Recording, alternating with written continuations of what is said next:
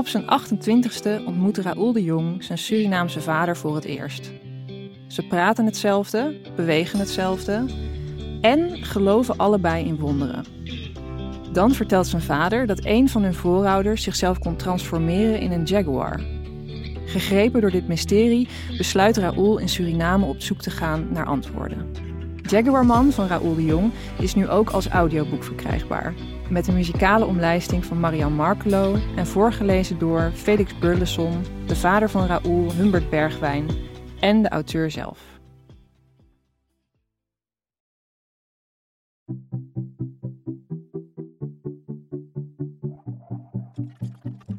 Hallo, ik ben Valentijn Hoogkamp, een schrijver van fictie, poëzie en toneelstukken. Vorig jaar verscheen mijn boek Antiboy, een persoonlijk verhaal over mijn eigen coming of gender. In Antiboy schreef ik over mijn non-binair voelen en er eigenlijk nog niet echt over durven praten met vrienden, familie, artsen en mijn geliefden. En ondertussen wel worstelen om mezelf te laten zien. Jezelf zijn, hoe doe je dat? In deze podcast ga ik in gesprek met boeiende gasten over ja, die dunne grens tussen gender, geaardheid, rollenpatronen en relaties. Want wanneer voel jij je als jezelf? Wat vind je van labels? En weet je nu al helemaal wie je bent? Of ben je nog onderweg? Ik zit hier in de studio van WPG Uitgevers met Haroon Ali. En Haroon complimenteerde me ooit met mijn haar en toen vond ik hem gelijk heel aardig. Haroon kan ongeveer alles. Hij is journalist, interviewer, essayist en columnist voor onder andere de Volkskrant en het Noord-Hollands Dagblad. Hij maakte de documentaire Het M-woord en de podcast Opgewonden. Haroon heeft een Pakistaanse vader en een Nederlandse moeder en werd islamitisch opgevoed. Hij deed afstand van zijn geloof toen hij op zijn 21ste uit de kast kwam als homo. Over die botsende identiteiten schreef hij het non-fictieboek Half, dat in september 2020 verscheen bij de Bezige Bij. Nou, dag Haroon. Hallo. Hallo. Hallo. Um, misschien wel leuk om te vertellen dat ik jou al vaker heb ontmoet voordat we hier gingen zitten. Um, eerste keer dat ik jou ontmoette, begon ik gelijk over een stuk dat je in 2011 schreef over een kamp vol hoogbegaafde kinderen. Oh ja, ja, ja. Ja, ja en voor jou was dat waarschijnlijk echt al jaren geleden. Ja, ja, ja, maar dat is wel een van de leukere reportages die ik heb gemaakt toen. Ja, dat was een hele bijzondere ervaring als je het ook hebt over inderdaad zoeken naar een identiteit. Ja, en heb je dat vaak dat mensen in het wild aanspreken over iets wat jij hebt geschreven? Nou, niet de hele tijd of zo, maar af en toe wel. dat is natuurlijk wel wat je hoopt als journalist. Dus soms schrijf je wel een stuk wat inderdaad uh, ja, resoneert bij mensen. Mm -hmm. En soms is het ook gewoon heel lang stil. um, nou, je bent mijn eerste gast voor deze Antiboy podcast. Uh, dat komt eigenlijk zo. Um, nou, ik was dus best wel aan het worstelen met de vraag of ik queer was, of non-binair was, of ik wel of niet iets moest zeggen tegen iemand. Um, en toen kwam ik jou tegen en toen zei je: hey, als je een keer met iemand over wil praten, uh, nou, kun je met mij over praten. Vond ik zo lief. Ik echt ja, heel dat blij. was denk ik beide bezig bij, denk ik, hè? Ja. toen we wat drankjes op hadden misschien. Ja, toen we volgens mij op It's All Coming Back to Me Now van Celine Dion stonden ja, te precies. dansen. Ja, toen zat je echt nog echt in dat, Ja, nou ja, een beetje niet de start, maar wel echt er middenin volgens mij. ik eh, denk dat Antiboy toen net was aangekondigd, maar nog niet verschenen. Dus toen begonnen net mensen te vragen van waarom schrijf je daarover? Wat is er dan met jou? Ja, Nou, ik vond dat eh, heel ingewikkeld. Dat, ja, dat was toch wel bij gebrek aan betere termen een soort coming out ja. zo. Ja. dat las ik denk ik misschien ook wel een beetje aan je af. Dat het een hele roerige tijd was voor je. En dan, weet je, ik ben op geen enkele manier een, een expert of zo. En helemaal niet met, met waar jij doorheen gaat. Denk ik dat weer een hele andere ervaring is dan ik. Als, als cis gay man. Ehm, maar ja, dan, dan helpt het gewoon wel als je er gewoon met mensen over praat, denk ik. Maar je hebt dan, neem ik aan, eh, wel een moment gehad dat je zelf, eh, nou wel cis, maar ook gay, Mhm, wat voor veel mensen niet de norm is. mhm. Was er een moment dat je dat dus aan mensen moest gaan vertellen en hoe ging dat? Ehm, ja, nou ja, dus het, het, het stomme is dat ik dus eigenlijk best wel vroeg weet, of het stomme, eh, het leuke eigenlijk, eh, dat ik best wel vroeg wist eigenlijk dat ik jongens leuk vond. Dat was echt al wel vanaf na de basisschool, begin middelbare school. Ik denk echt wel zo rond de 11e, 12e wist ik dat eigenlijk wel. Hoe merkte je dat? Ja, ik keek gewoon naar de andere jongens in de klas. Ik keek naar hoe ze zich omkleden bij gym. Ik was verliefd op mannelijke leraren. Ja. Uh, ik had allemaal hele leuke middelbare schoolleraren waar ik verliefd op was. Uh, en je merkt ook in de tv-series die je kijkt dat je ogen steeds vaker gaan naar de mannelijke personages in plaats van de vrouwen. En uh, dus daar was ik eigenlijk best wel snel uit. Tenminste, ik heb nog best wel een tijdje gedacht dat ik biseksueel was.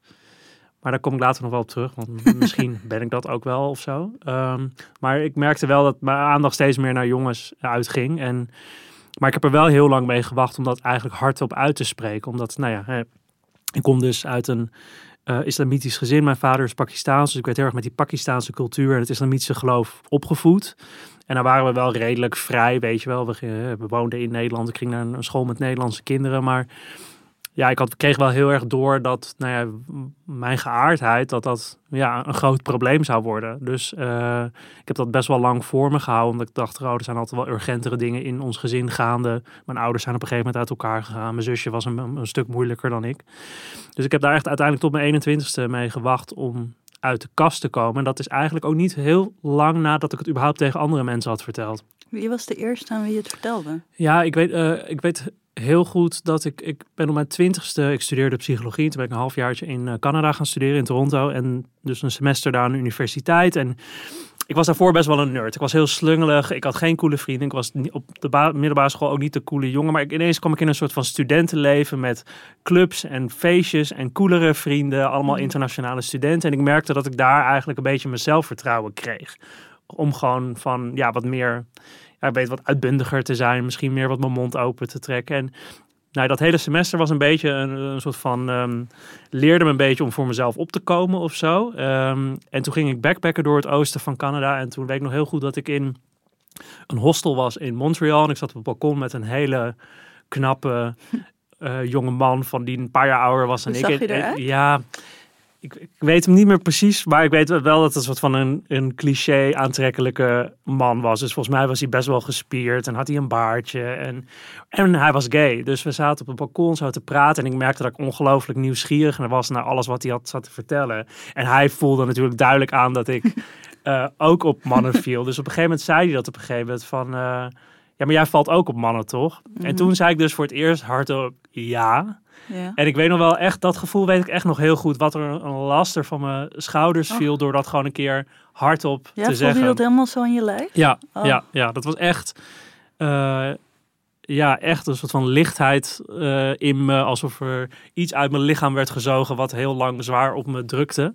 Mhm. En eigenlijk toen ik terugkwam van die uitwisseling, toen heb ik het gelijk eigenlijk aan mijn vrienden en vriendinnen verteld. Er waren er al twee uit de kast gekomen, een jongen en een meisje. Mhm. dus, dus, ik wist al dat ze oké ermee zouden zijn. En toen... Um, ben ik gelijk die zomer heel veel de gay scene gaan verkennen. Ik heb het mijn zusje verteld en ik heb het mijn ouders pas verteld toen ik mijn eerste kamer in Amsterdam kreeg.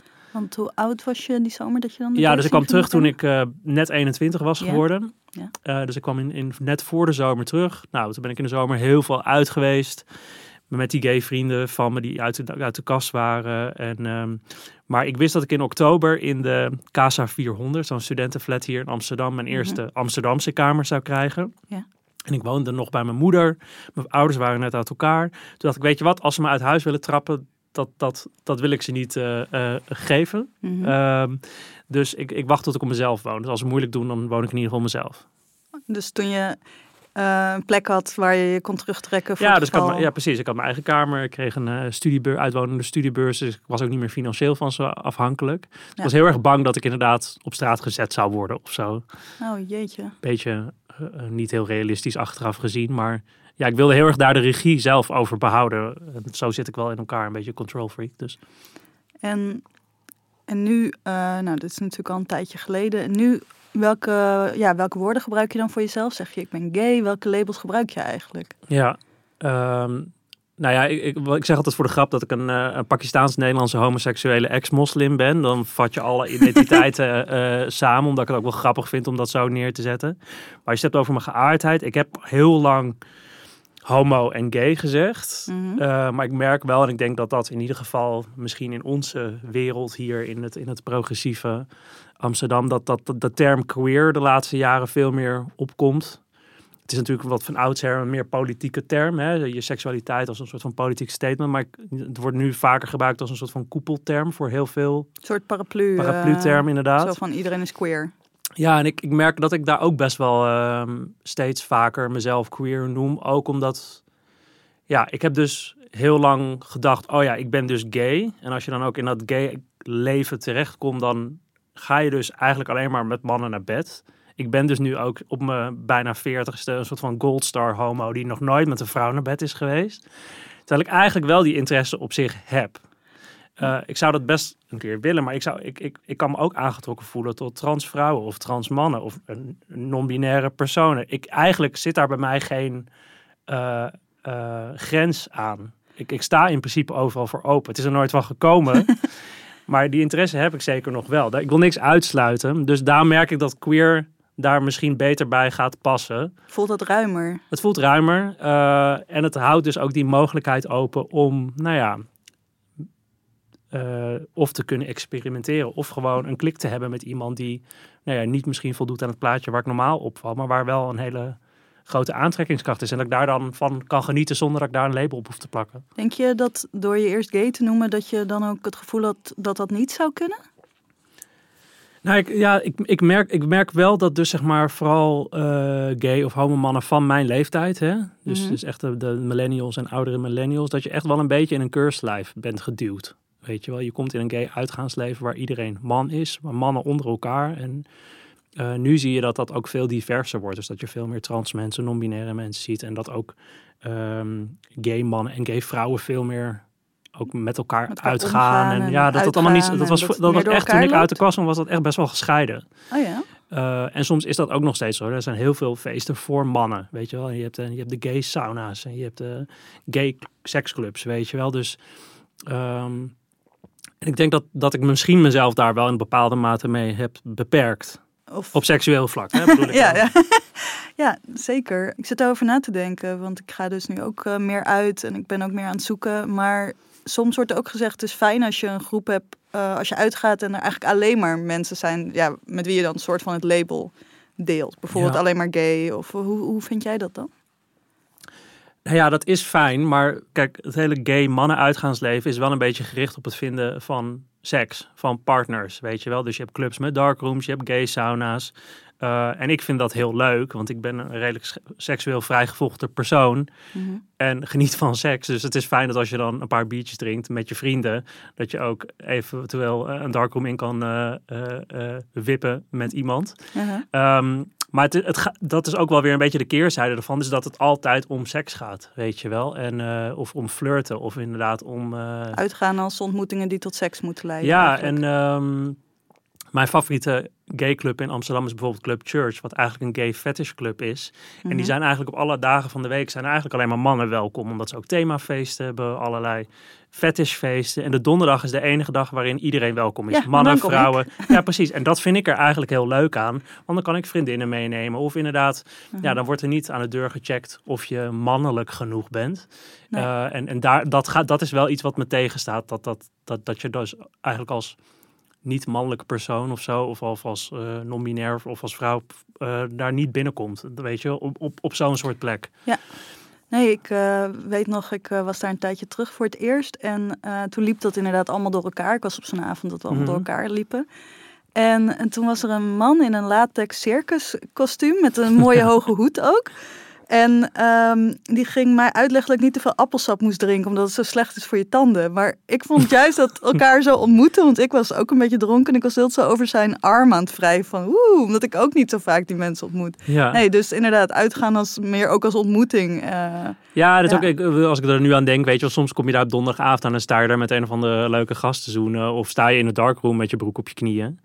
En dan heb je ook soms wel dat er wat meisjes langslopen die daar voor het eerst zijn. En die dan giechelend door die darkroom lopen. Alsof het een circus is, een inderdaad. En dan denk ik wel van, oké. oh, eh, sorry, nu voel ik me heel erg alsof ik uh, maar Nee, nee, nee, nee, een circusdirecteur. Nee, nee, nee, maar ik bedoel, er is een verschil tussen, tussen gewoon daar zijn en interesse tonen in mensen of aapjes kijken. En dat Ja. kan het soms wel zijn. En dat is met eigenlijk alle soort van queer spaces zo. Je wil ook enigszins dat het is voor de mensen voor wie het bedoeld is. En dat er niet mensen vanuit eh, alle hoeken naartoe komen om, om een Om beetje te kijken naar te mensen kijken die naar zij als anders ervaren. Precies. Ja, dat Dus, snap dus ik. het is een beetje dubbel. Eh, ja, nou, we hebben het net gehad over label gay, maar waar moet je aan denken bij man? Ja, dat is, eh, het is wel echt, een, wel echt een bepalend deel, denk ik, van mijn identiteit. Ik voel me wel echt man. Ik, Mhm. eh, als je het ook hebt over aanspreekvoor, aanspreekvormen, eh, kies ik echt duidelijk voor hij, hem. Mhm. En eh, ik vind het ook leuk om man te zijn. Ik vind het leuk. Ik, ik, ik ben iemand die van zichzelf misschien wel redelijk mannelijk overkomt. In de zin van, hè, ik heb een beetje een Midden-Oosters donker uiterlijk. Ik heb een baard, weet je wel. Ik heb een stoere kuif Ik heb borsthaar, weet je wel. Ik merk ook in mijn kledingstijl dat ik, ik hou best wel van een soort van casual, outdoorsy kleding, weet je wel. Dus ik vind het ook leuk om, om een beetje, hè, eigenlijk een beetje stereotyp mannelijk ehm, over te komen. En ook, ik val op mannen. Dus ik, de mannen op wie ik val zijn ook vaak een beetje stereotype mannelijk. Wat is dat dan? Nou, inderdaad, dus uh, ik hou van uh, mannen die een beetje lang zijn, een beetje breed zijn, uh, lichaamsbeharing hebben. Um, maar als ik dat dus dan hardop van mezelf zeg, vind ik dat dus gelijk stom, ook van Oh, mezelf. Hoe komt dat? Nou, ik vind het zo ouderwets. Eh, ik vind het zo ouderwets gay zijn, zeg maar. Zo van mannelijkheid. Want het, het heeft ook iets, ehm, juist ook omdat ik er heel veel mee bezig ben, hè, over schrijven en heel veel mensen interview over mannelijkheid, vrouwelijkheid, eh, geaardheid en, en gender. Ehm, ja, is het ook wel zo heel erg dat binaire denken. Dat wil ik eigenlijk niet hebben van mezelf. Ehm, en ik wil, ik wil dus ook eigenlijk niet genieten van mijn mannelijkheid. weet je wel? Oh. Ik vind dat een beetje. Dat lijkt me ook lastig. Ja, maar weet je, zo kan je jezelf allerlei dingen aanpraten. Het is natuurlijk niet super problematisch. Maar ik probeer, ik probeer er niet te veel te, van te genieten. En ook inderdaad. ehm, weet je, ik, ik, ik, mo- ik moest daar eh, laatst aan denken van. Weet je, kan soms, soms zijn er nu bijvoorbeeld hetero gasten die zich best wel experimenteren met, met, met kleding, met looks. Hè? Het, het bekende voorbeeld is Harry, Harry, eh, Harry Styles, weet je wel. En dan kan ik daar echt naar kijken en dan denk ik, oké, dit zijn dus hè, in ieder geval, eh, zoals ze zich presenteren, heteroseksuele gasten. Maar die durven eigenlijk veel meer te spelen met mannelijkheid en vrouwelijkheid dan ik als gay man doe. Weet je wel, want ik zit hier ook weer in mijn stomme hoodie, weet je wel. Waarom is dat? Nou ja, nee, ehm, eh, ik kan wel op feestjes kan ik me dan wel wat extravaganter kleden. Dat vind ik leuker om dan ook wat meer op te tutten en zo. En ehm, Ja, ik moest net denken toen je zei, ja, dat vind ik eigenlijk ook eh, stom van mezelf dat ik daar dan op val. Eh, toen moest ik denken aan polit, politiek lesbianisme. Politiek lesbianisme, sorry, ik kan het niet uitspreken, ik weet wel wat het is. Dat gaat over dat in de jaren zeventig dan werd gezegd, als je een echte feminist bent, ben je lesbisch. Dus Ja, ja, Een, soort, een soort theoretisch eh, lesbisch zijn van, ja, eh, maar... Daar ook had- een beetje als statement tegen de man, toch? en ja, het zo van ja, als je en, echt een eh, feminist bent, ga je niet s'avonds thuis met een vrouw, met een man in bed liggen. Alleen zo werkt verlangen niet. Nee. Je kan niet met theorieën verlangen stemmen, toch? Nee, nee, nee, dat- is ook zo. En je valt op wie je valt. En Ja, ik bedoel, en, precies. en ik, ik, ik uit me ook zoals ik wil uiten. Weet je wel, ik vind het gewoon leuk om in een, ja, ik vind het leuk om een man te zijn. En, maar ehm, ja, wat vind ik daar nou precies dan toch zo moeilijk aan? Nou ja, het is net zoals wat je dus met me, wat ik met mijn geaardheid heb. Dat ik eigenlijk best wel open sta voor nieuwe ervaringen. En dat ook eigenlijk veel meer zou willen najagen, heb ik dat ook eigenlijk wel met gender. Dus ik, moet, ik heb daar misschien nog wat hang-ups in, weet je wel, die ik los wil laten. Want, en ik denk dat dat wel voor veel gay mannen zo is, weet je wel. Je- vaak in onze jeugd zijn we heel vaak niet als echte jongens gezien, weet je wel. En ik had dat ook heel erg. Ik ben niet heel erg gepest of zo. Maar ik was, ja, je wordt wel mietje genoemd, weet je wel. En ik Mhm. hield niet van voetbal en ik hield niet van gym. Dus je was wel, ik en ik had vooral eh, meisjes als vriendinnetje in de klas, eh, als, eh, als vriendjes in de klas waren vooral meisjes. Ehm, dus de jongens in de klas, die gaven me wel altijd het gevoel dat ik niet een echte stoere jongen was. En je merkt dan wel, ik merkte wel dat week echt wel toen ik uit de kast kwam, ik dacht van, oh, nu ga ik me wel wat stoerder gedragen. En ik weet ook nog wel dat ik in het begin heel erg als mensen dan tegen mij zeiden van, oh, ben je gay? Dat heb ik helemaal nooit achter jou eh, gezocht.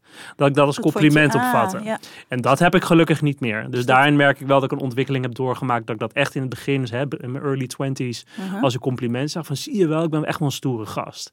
En nu vind ik dat echt alleen maar heel stom als mensen dat zeggen. Dus eerst wilde je een soort tegenwicht bieden, maar nu ben je op een punt gekomen, als ik het goed begrijp, waarin je denkt, misschien kan ik er nog meer mee gaan spelen. Ja, nog meer loslaten. En inderdaad, ik heb me dus nooit geschaamd voor mijn geaardheid. En dus, eh, maar, maar ik had wel zoiets van, oh ja, ik wil wel een stoere gay zijn. Ook omdat er zoveel stereotypen zijn over homoseksuele mannen. Hè, dat ze Mhm. verwijf zijn en dit. En ik, ik wilde daar heel erg een tegenwicht aan bieden, heel lang. En nu heb ik zoiets van, ja, gewoon scheid aan alles. Weet je, ik ben wie ik ben en ik ben soms... Misschien kom ik wat mannelijker over, maar ik kan ook echt helemaal, als ik onder mijn gay vrienden ben, dan ik, ik praat heel graag met het woord meid. Iedereen is voor mij een meid.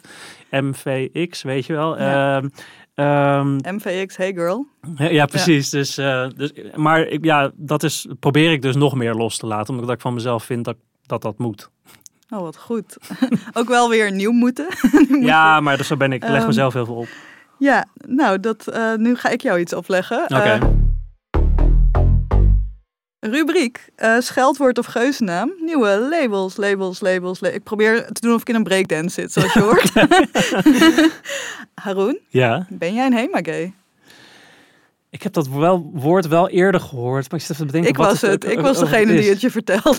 Maar was dat toen op die borrel toen we dronken waren, of niet? Eh, ja, een andere borrel. Nu lijkt het alsof wij heel veel borrelen, maar dat valt wel mee. Nee, ik denk dat ik misschien ook degene was die het al eerder aan je hebt gevraagd. Maar ik vraag Ja, ik weet dus niet precies wat het is, maar ik Wat stel me, denk je dat het is? ik, eh, stel me een heel beetje conservatief, ook wel heteronormatief gay stel voor me. Dus heel erg huisje, boompje, beestje, buurtbarbecue, white picket fence. Boompje, beestje, buurtbarbecue. Ik hou van deze drie beesten. en inderdaad dus elk weekend lekker de, de HEMA leegkopen met allemaal eh, huishoudelijke eh, spullen. En daarna een rookworst naar binnen werken. Wat goed. Dat is mijn associatie. En dat, nee, dat ben ik niet echt, nee. Nee, ik heb dit niet zelf bedacht. Ik was dus op een date met een meisje en die vroeg ineens of ik een HEMA-gay was. En ik dacht ook, ja, ik heb wel helemaal ondergoed aan. Dus dat, it's happened. Nee, dat... eh, eh, maar we kwamen er niet helemaal uit. Eh, maar volgens mij bedoelde zij inderdaad wel queer zijn, maar ontzettend burgerlijk leven. Oh ja, ja, ja, of precies. ze bedoelde juist heel erg happy en pride. En, en net zoals je kan zeggen dat iets echt HEMA is. Dat je een Oh, beker ja, ziet ja. staan en zegt, ja, het is echt HEMA. Nou ja, ik ben en wel eh, en totaal niet burgerlijk, hè? Want inderdaad, wat ik vertel over al mijn uitgaansavonturen. Maar ik heb wel al eh, elf jaar een relatie met, met mijn vriend waar ik heel veel van hou en waar wij heel knus met z'n tweeën lekker kunnen tutten. Eh, en nu ook. ehm, ja, weet je, ik word 40, hij, hij is net de 40 gepasseerd. Je merkt gewoon dat je een stuk rustiger wordt. En dat je dus gaat genieten van hele kleine dingetjes. En dat het veel minder gaat over feesten en uitgaan en de wereld rondreizen. Wat voor dingen? Nou, gewoon dingetjes dus voor je huis kopen en het huis wat gezelliger maken. En gaan we dit wel of niet opknappen en daar dan wekenlang over praten en niet doen. Ehm, en nou, gewoon ook de rust thuis met z'n tweeën opzoeken. Dus dat je niet meer elke avond ergens heen hoeft, maar gewoon lekker met z'n tweeën op de bank ligt. En ik kon, ik ben wel veel meer de onrustige van ons twee en hij is iets meer de huismus. En hij moest wel echt in het begin van onze relatie heel vaak zeggen van Haroon, het is nu dinsdagavond, het is kut weer. We kunnen ook gewoon thuis blijven. Je hoeft niet nu vanavond weer een, of ander spannend avontuur te beleven. We hoeven niet overal weer ergens heen. Ik had dat in het begin veel meer en ik merk wel dus dat wij met z'n tweeën nu daar een stuk rustiger in zijn en ook dus wel burgerlijker in zijn. Maar dat vind ik eigenlijk dus heel fijn. Dus burgerlijkheid als een oké-label. Ja, nee, dat, eh, precies, daar wordt vaak een beetje op neergekeken. Maar ja, op een gegeven moment wordt iedereen toch een beetje burgerlijk. hey, je zei net, eh, ik moet vrij veel van mezelf. Hmm. Ehm, en je zegt nu ook van, ja, dan moest ik op dinsdagavond nog uit. Is dan ook je volgende opdracht aan jezelf, ik moet meer met mijn gender en eh, spelen? Of ik moet meer Nou, moet- biseksuele ja, ervaringen ja, hebben? Ja, ja. Nou, nee, nee, ja, nee. Maar ik moet gewoon wat meer relaxen, denk ik. Eh, Wat meer spelen ja, ik- misschien? Ik, ben een complete eh, beetje neurotisch type. Ik heb ook wel allerlei dwangneurotische trekjes. En dat heb ik mijn hele leven al. En daar, het heeft me veel opgeleverd in de zin dat, hè, dat ik allemaal 40.000 dingen, leuke dingen doe qua werk. Weet Ja. je wel. Ik doe heel veel verschillende dingen omdat ik dan wil. Oh ja, ik wil ook leren hoe je een podcast maakt. Of ik wil, ik wil een boek schrijven. Ik wil nog een boek schrijven. Of ik wil een documentaire maken. Maar zo ben je dus eigenlijk je- jezelf de hele dag gek aan het maken. En alles aan het overpijnsen eigenlijk de hele tijd. En dat doe ik dus ook met zowel mijn geaardheid als gender. Dat ik dat de hele tijd dan... Haal ik er wel alles uit? uit mijn Nou, eigenlijk wel, ja. Haal ik er wel alles uit. Dat, uit, dat zeg je eigenlijk wel heel goed. Van, eh, ons, heb ik mezelf nou niet bepaalde ervaringen ontzegd. Ja. En ik wil een heel vol rijk leven eh, eh, leiden. Ik wil alles eruit halen. Dus dit valt daar ook onder. Dus dan... Geaardheid en gender uitspelen. Nou, misschien is dat misschien dan de midlife crisis die ik nu heb. Van, oh, ben ik eigenlijk wel een coole gay Oh, coole, cool queer persoon. Want dan, dat is ook een beetje omdat dan kijk je naar Gen Z, die gewoon zo echt scheid hebben aan alles en gewoon alle labels loslaten en dan met die date en dan met die date en de ene dag zien ze er zo uit en de andere dag weer anders en het, zij hebben daar, zijn, zijn daar zo in alles zo fluide. in mijn ogen ben jij dus heel erg cool. Oh, oké, nou dat vind ik wel aardig van je, maar Eh, Ehm. nou, maar ook, eh, ook omdat je zoveel reist. Ja, nou ja, dat is nu ook iets minder inderdaad. Dat deed ik voor de pandemie heel erg. Ik deed veel reisjournalistiek, maar dat is allemaal een beetje opgehouden eigenlijk. Ehm, maar ja, nou ja, eh, dank. Maar ik voel me heel vaak dus een beetje een saaie oude lul worden. Hey, uh, ik heb dus zelf best wel gezocht over hoe ik mezelf nou moest noemen, wat het nou was. Uh, uiteindelijk kwam ik dan uit bij non-binair. En ik snap ook wel een beetje ironisch een label dat geen label wil zijn. En dan zeggen mensen, nou, heb je dan niet een nieuw hokje voor jezelf gecreëerd? Maar bij man en bij vrouw voel ik dus niks. Maar daar schaam ik me ook wel voor, want het voelt niet goed.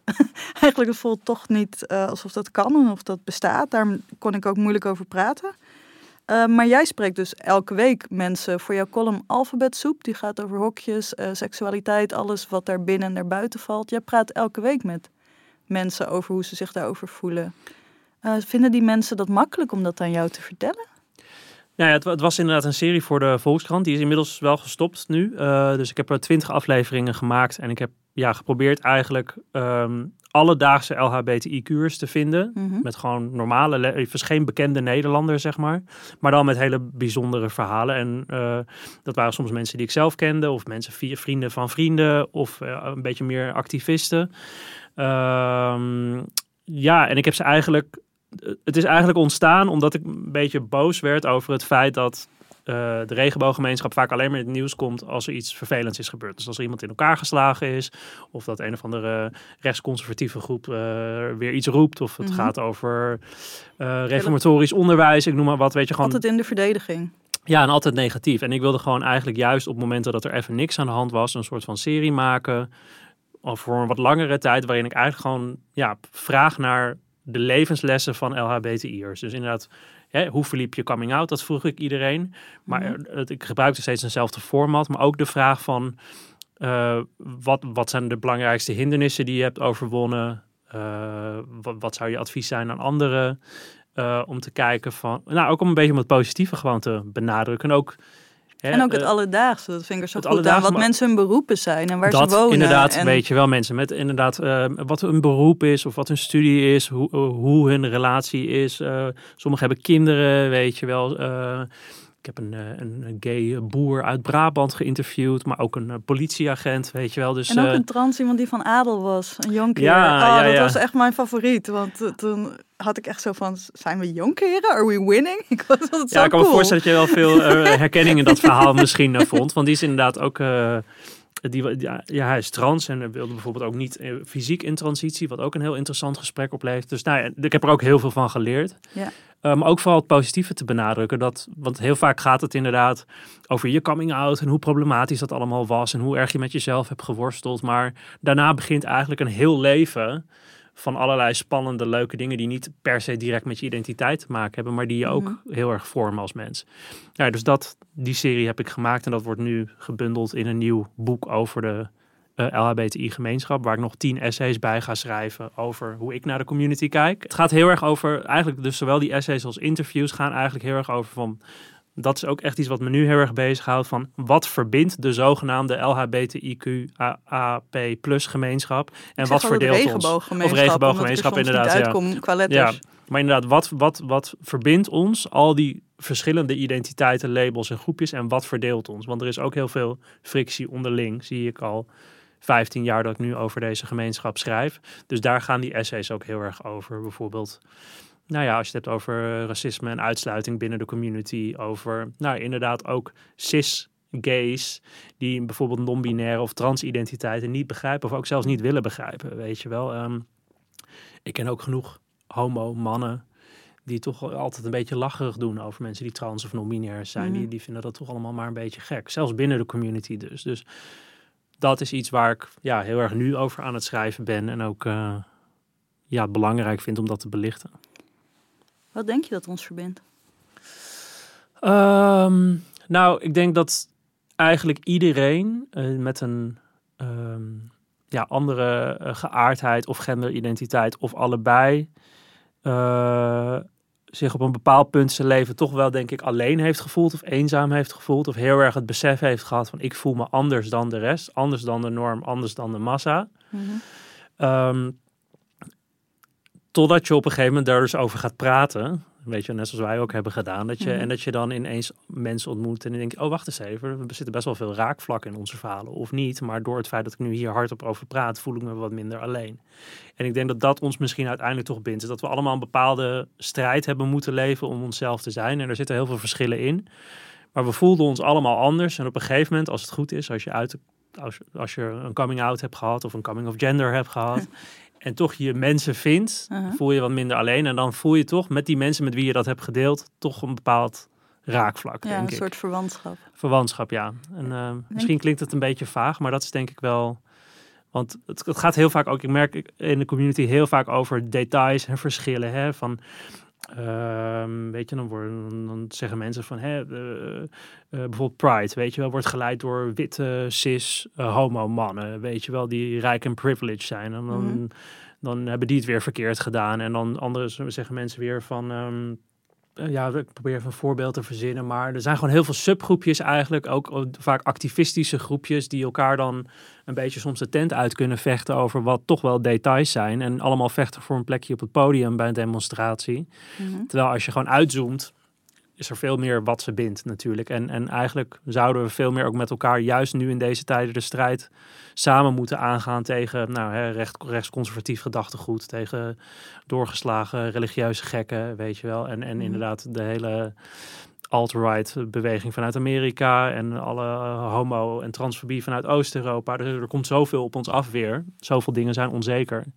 Dat we toch veel meer die verbinding met elkaar zouden moeten opzoeken. Ik hoop dat je boek daaraan bijdraagt. Nou ja, dat is ook het punt wat ik in ieder geval op het einde wil maken. En ehm, ja, ik probeer dus ook een boek te maken wat door de massa gelezen kan worden, die er dan ook wat van opsteekt. Dus dat het niet alleen maar preken voor eigen parochie is. En, eh, ehm, maar ja, want er is ook gewoon zoveel onbegrip nog in de samenleving. Juist, eh, hè, want eh, homoseksualiteit is inmiddels wel een beetje geaccepteerd. Hè? Als jij een gay man bent of een lesbische vrouw en je leeft inderdaad dat HEMA-leven, dan hebben mensen daar meestal niet meer zo'n moeite mee. Maar als Nee, je dan dus wek de- je geen hetero-paniek op. Nee, nee, nee. En dan ben je dus welkom op de barbecue met je rookworsten, weet je wel, in je Hema-schaaltje. En dan vind dan heb, maar inderdaad, op het moment dat je dus inderdaad, vooral qua gender, niet te plaatsen bent voor mensen, Mhm.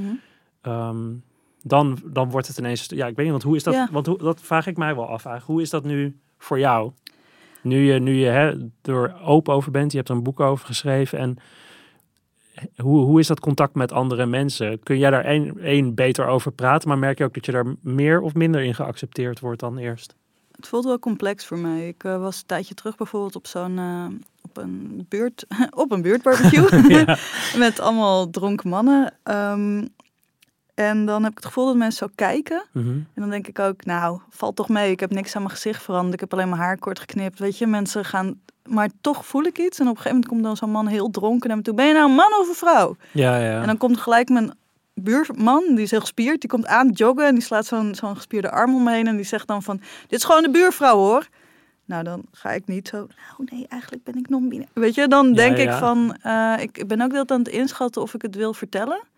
En dat voelt ook heel gek. Maar ik ben nog steeds aan het inschatten van, zijn dit mensen die eh, mij dan als mens zien? Of vooral mensen die er wel eens over in de krant lezen en dan rare vragen gaan stellen? Of mensen die gewoon op tilt gaan slaan? Dus je Ja. probeert gewoon ineens andere mensen in te schatten in in hoeverre kan ik hier Maar het lijkt me wel echt eng. Ik kan dat daar niet over meepraten. In ieder geval, ik word nooit op straat om, om mijn man zijn raar behandeld, weet je wel. Eh, en inderdaad, bij mij is het alleen dat soms mensen vragen: Oh, heb je een relatie? Heb je een vriendin? Maar als ik dan zeg: Ik heb een vriend, dan is dat, levert dat bijna nooit meer een ongemakkelijk gesprek op. Maar dit lijkt me wel echt ik ben soms wel best wel bedreigend. Ik ben er wel naïef in geweest, omdat ik ergens eh, dacht dat...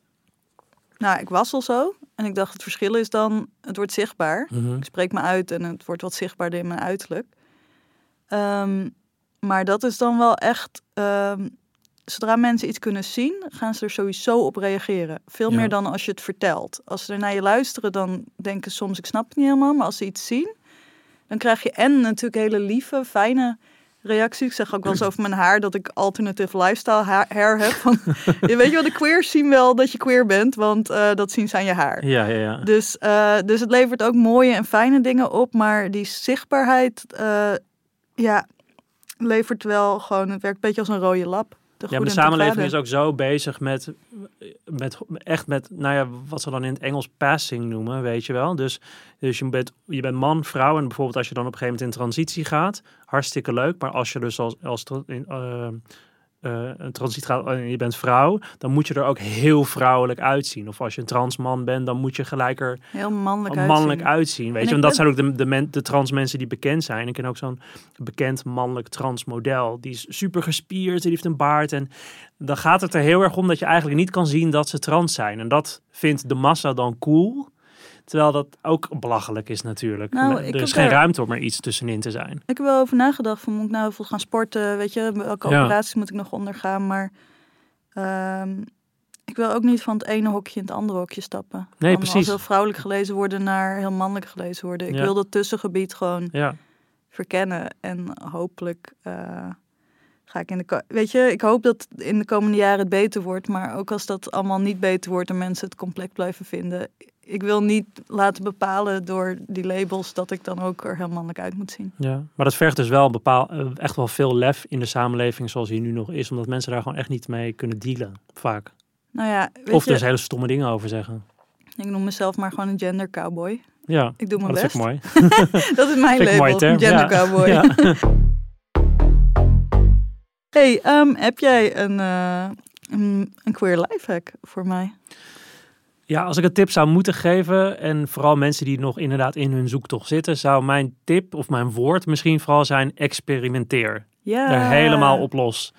Um, of je nou heel jong bent of op latere leeftijd, of het nou gaat om je, uh, je seksuele oriëntatie of je gender of een combinatie. Maar je komt er alleen achter wie je bent door gewoon heel veel dingen te proberen. Dus te proberen, ga met heel veel mensen naar bed, zou ik zeggen. uh, daar, daar leer je denk ik heel veel van. Op natuurlijk alleen als het bij je past. Ik bedoel, ik wil niemand grensoverschrijdend gedrag aanpraten. Maar probeer wel gewoon ja, ook comfortabel te worden in je lijf. Dus inderdaad in hoe je je presenteert. Dus speel met allerlei uiterlijke vormen om te kijken wat voor jou werkt. Maar ook dus inderdaad je eigen lichaam goed leren kennen. Wat vind ik lekker? Waar word ik opgewonden van? Wat vind ik fijn?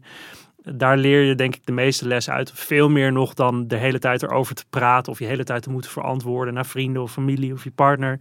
Maar experimenteer. Dat zou echt mijn tip zijn. Yes, jouw tip is experimenteren en niet te veel praten en veel uitproberen. Ja, van experimenteren kun je leren. Dankjewel.